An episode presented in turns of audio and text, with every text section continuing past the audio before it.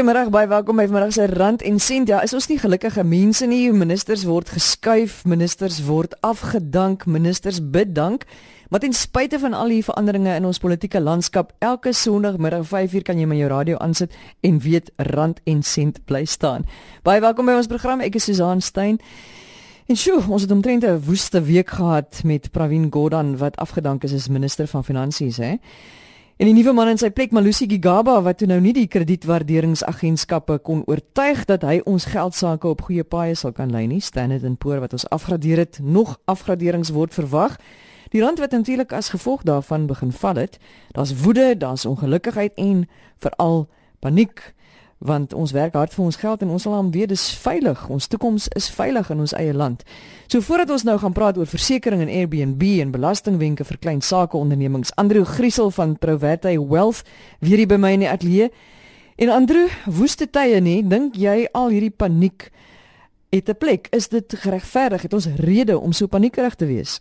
Ek dink as jy nou die vraag vra uit 'n uit 'n finansiële beplanningsoogpunt uit vir Jan Alleman op die straat, Ehm um, ek meen ons was al van tevore sogenaamde rommelstatus gewees. So dis nie heeltemal nuwe terrein vir ons nie. Ek dink die langtermyn implikasies van ehm um, die rigting waarna ons beweeg is welkommerwekkend. Maar vir die gemiddelde man op straat is die vraag nie wat moet hy nou doen nie. Jy weet mense is geneig om reaktief te wil optree. En uit ondervinding uit kan ek vir jou sê dat emosie en goeie beleggingsbesluite is nie bedmaats nie. Uh, jy weet die kans dat jy reaktief optree en dit 'n positiewe uitkoms het histories gewys was nog nooit eintlik so nie.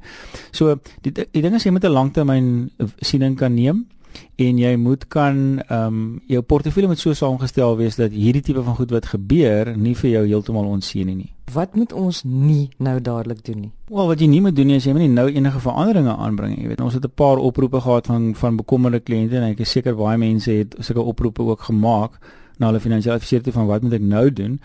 Jy weet jou portefeulje moet reeds in, in 'n plek gewees het waar jy hierdie tipe van skokke kan hanteer. Ehm um, daar's niks wat jy nou kan doen nie want ek meen uh, wat doen jy nou? Koop jy nou dollars, koop jy goud, uh koop jy uh buitelandse staatseffekte?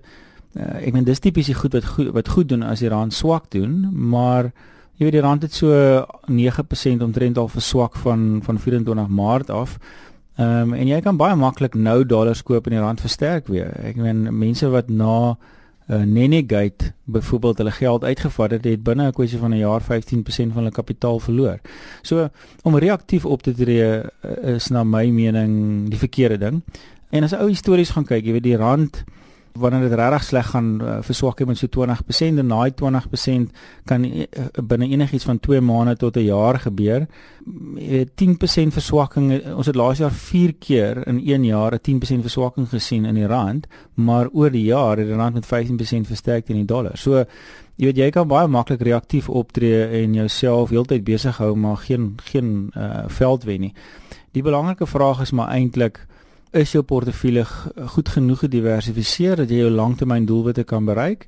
En jy moet weet wat daai doelwitte is. As dit inflasie plus 5 is inflasie plus 6 is ehm um, moet jy 'n portefeulje hê wat wat dit kan regkry oor die langtermyn. Om om die korttermyn te reageer op politieke uitsprake of skokke soos hierdie is ehm um, is waarskynlik nie die regte ding nie. Maar waaroor mense wel bietjie moet dink is hoe lyk die langtermyn implikasies vir Suid-Afrika Ek dink dit is wat mense bekommerd maak want ons on, dit is nie net daar's nou 'n krisis in die rand val en ons is nou almal bekommerd nie. Dis 'n kwessie van 'n afgradering. Ons sien wat in ander lande gebeur het waar daar afgraderings was. Ons hoor verhale van jy weet hoeveel jaar dit neem uh om weer te herstel. Kolumbie dink ek het hulle gesê 11 jaar.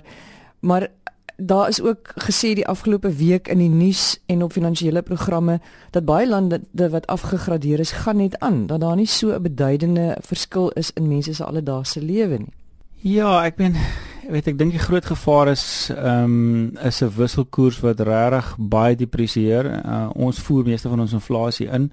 So uh, jy kan 'n inflasionêre effek daarvan sien en dit gaan gewoonlik met met hoë rentekoerse gepaard. So uh, Jy weet en, en ons sit ongelukkig klaar met 'n ekonomie wat wat sukkel om te groei. So daar is implikasies um, rondom dit en superinflasie of hiperinflasie is die groot vernietiger van opgeboude welvaart. So dit is goed waaroor mense moet dink. Ehm um, en vir daardie rede dink ons wel ehm um, dat 'n beduidende blootstelling aan buitelandse bates prudent is soos die Engelsman sal sê. Maar jy weet weer eens my my bekommernis oor oor om so iets te sê nou is dat almal dit nou wil doen. Jy weet en dis eintlik dis eintlik my bekommernis. Dis eintlik reeds te laat. Jy weet mense is geneig om reaktief op te tree. Wel ek sê dis te laat, jy is seker nooit te laat nie, maar mense is geneig om reaktief op te tree en hierdie boodskap is al 'n boodskap wat 5 jaar, 6 jaar, 7 jaar terug gegee is. Maar omdat dit op daai stadium nog relatief goed gegaan het en omdat veral Suid-Afrikaanse die Suid-Afrikaanse aandelebeurse relatief goed gedoen het, ehm um, is mense geneig om om hulle nie daaraan te steur nie en reaktief te probeer optree. Nou gee ons nou gou 'n les en dink nou aan diegene van ons wat nou nie noodwendig miljoene het wat nou reeds in die buiteland belê is nie. Ons is Suid-Afrikaners, ons het ons geld hier in Suid-Afrika. Ons sukkel selfs net om kop bo water te hou, wat nou nog te sê om te spaar en geld in die buiteland te lê. Wat moet ons nou doen? Uh, ou moet miskien maar gaan kyk na skuldvlakke nommer 1, ehm um, want 'n nagevolg hiervan kan kan hoër rente hoër rentekoerse wees. Ehm um, en dit kan jy nogal vinnig omkant vang.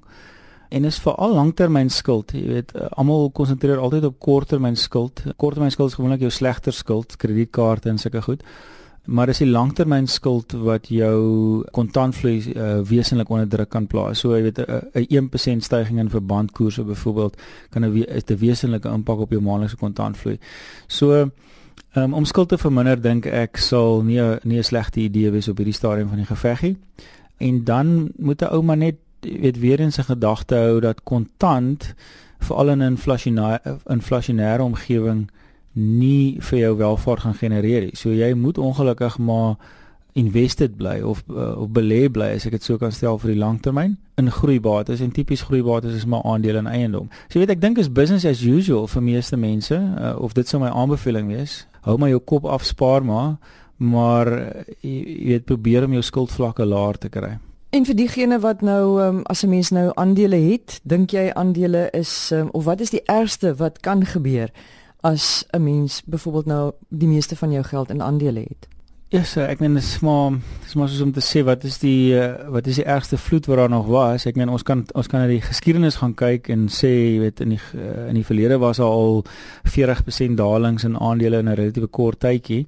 Die goed het net uh, moet 'n mens net weer eens mekaar sê is baie selde gebind aan 'n aan 'n spesifieke land se politieke situasie. Ehm um, dit gaan gewoonlik gepaard met 'n globale event soos die soos die global financial crisis.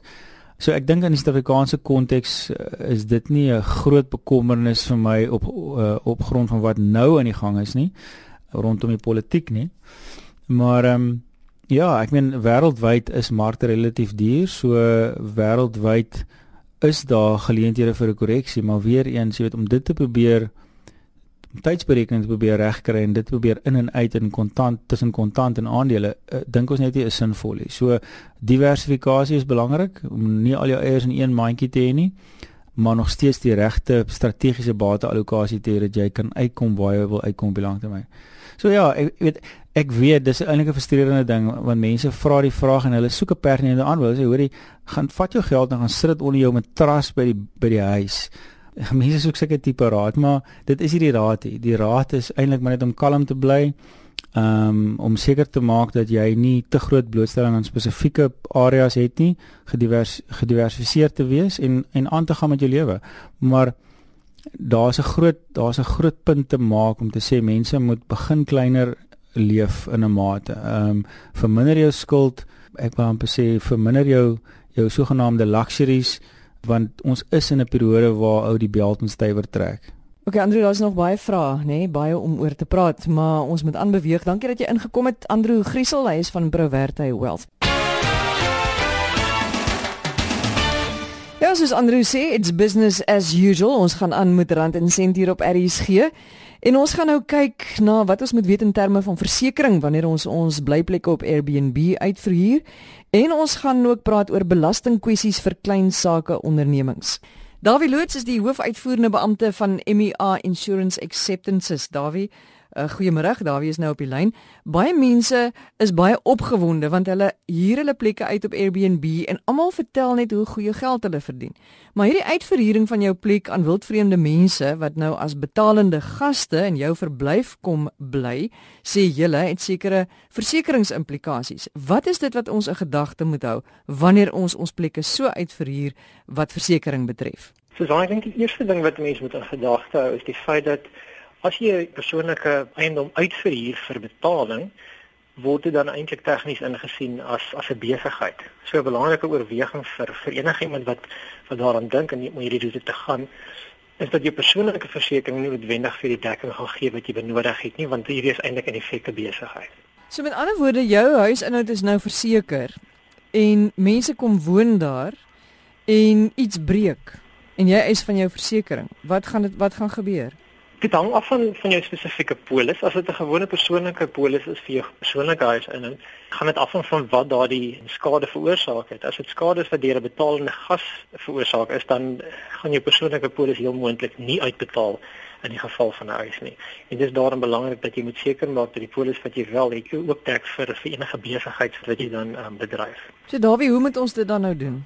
Ek sou voorstel dat dat jy hoofsaaklik met 'n makelaar te werk gaan om seker te maak dat jy die beste polis kry vir jou spesifieke situasie en seker maak dat jy wel gedek word vir enige skade wat enigiets gedoen het met die uitvoering van die eiendom deur betalende gaste. En maak seker dat jou versekeraar wel in kennis gestel word dat jy wel betalende gaste akkommodeer, het sy dit op 'n korttermyn of op 'n langtermyn basis is. Goed, maar sien nou maar ek het nou versekerings uitgeneem en ek kry nou net gaste vir 2 maande van die jaar want baie mense woon in hulle in hulle huise of in hulle waar ook al en vir die hele jaar deur en dan gewoonlik hier in Kaapstad in die hoogseisoen Desember en Januarie dan hoor jy mense sê oek ek gaan met vakansie of ek trek by vriende of familie in en ek verhuur my plek uit vir daai 2 2 maande. Kan jy dan doodgewoon voortgaan met jou normale versekerings vir deur die jaar en dan net spesiale versekerings vir daai 2 maande uitneem of moet jy daai spesiale versekerings dan die hele jaar uitneem? gaan ook weer af van die spesifieke polis wat jy in gedagte het, maar in die algemeen sou ek reken dat dit voldoende sou wees om vir daardie periode gedek te wees. Weer eens 'n makelaar sal vir die beste raad kan gee in hierdie geval, maar solank jy seker is dat dat jy gedek is as 'n besigheid vir daardie periode wat jy wel jou eiendom gaan uitverhuur, behoort die dekking voldoende te wees. Het julle nou al met mense te doen gehad wat nie daarvan bewus was nie of wat nou in die moeilikheid gekom het omdat hulle nie reg verseker was nie, spesifiek vir Airbnb gaste? dink ons was gelukkig in die sin dat ons nog nie regtig enige groot eise in die in die afgelope paar maande of die afgelope 2 of 3 jaar van dit Airbnb aan die gang is gehad het nie, maar um, dit is nie ek dink dit behoort is gerusstellende diens vir enige um, kliënt daar buite om te sê dat dit nie iets is wat gebeur nie. Ek dink 'n baie belangrike ding is wat mense dalk partykeer vergeet is die skade aan eiendom of diefstal is een ding, maar 'n hele ander aspek om in gedagte te hou is die persoonlike aanspreeklikheid wat jy kan opdoen as 'n betalende gas op jou eiendom besering opdoen as gevolg van kom ons noem dit 'n teel wat gebreek is en 'n persoon wat daaroor oorstruikel of val. Daardie skade gaan heel moontlik nie deur 'n gewone persoonlike polis gedek word nie. En dit kan 'n hele ander aspek vir jou inbring wat vir jou groot finansiële verliese kan lei. Veral wanneer jy dink dat baie van die mense wat Airbnb gebruik oorsese gaste is. So mense kan nie dink wat die gevolge kan wees as 'n kliënt jou so persoonlik dagvaar en dit is skade wat in 'n oorsese geldeenheid gedenomineer is. So mense sou so polis of ekstra beskrywing op jou polis kon kry om jou te vrywaar van enige eise indien 'n persoon beseer word. Op die einde dis reg ja. En daardie tipe polis is gewoonlik 'n besigheidspolis. Dit tel selfe tipe polis wat 'n hotel of 'n gastehuis of 'n 'n B&B sou in plek hê. En wat van Airbnb? Hulle bied ook mos 'n soort versekerings aan vir ingeval daar skade of iets aan jou huis is. Is hierdie nou net 'n ekstra versekerings of is daai van Airbnb nie dalk net genoeg nie? Ja, ek is bewus van die waarborg wat Airbnb aanbied. Ek het nie baie kennis daarvan nie sover ek verstaan dek dit net skade aan uh, fisiese skade aan eiendom. Dit gaan jou nie vrystel van enige persoonlike aanspreeklikheid vir persoonlike ongelukskade wat wat 'n kliënt by jou perseel opdoen nie. En daardie dekking gaan jou moontlik ook 'n hele paar um, uitsluitings hê. So dis baie belangrik om seker te maak dat die, die kliënt bewus is van presies wat daardie waarborg wel dek en of dit werklik prakties moontlik is om om te eis op onder daardie gedeelte van kom ons noem dit 'n polis uit Suid-Afrika waar Airbnb 'n uh, internasionale uh, besigheid is. Goed, daar wees net so om saam te vat. As jy net nou moet saamvat sê net maar onder 3 of 4 punte wat elke luisteraar vanmiddag wat hierna luister en wat sy eiendom wil uitverhuur op Airbnb moet weet in terme van versekerings. Ek sê praat met jou makelaar, maak seker daarvan dat dat jou huidige polis wel vir die dekking bied wat jy behoort te hê op 'n besigheidspolis want hierdie is tog wel as as jy daarna kyk is 'n besigheid. Jy behoort ordentlike versekerings van 'n besigheidsoogpunt uit te hê. En baie belangrik, maak seker dat jy nodige aanspreeklikheidsdekking het.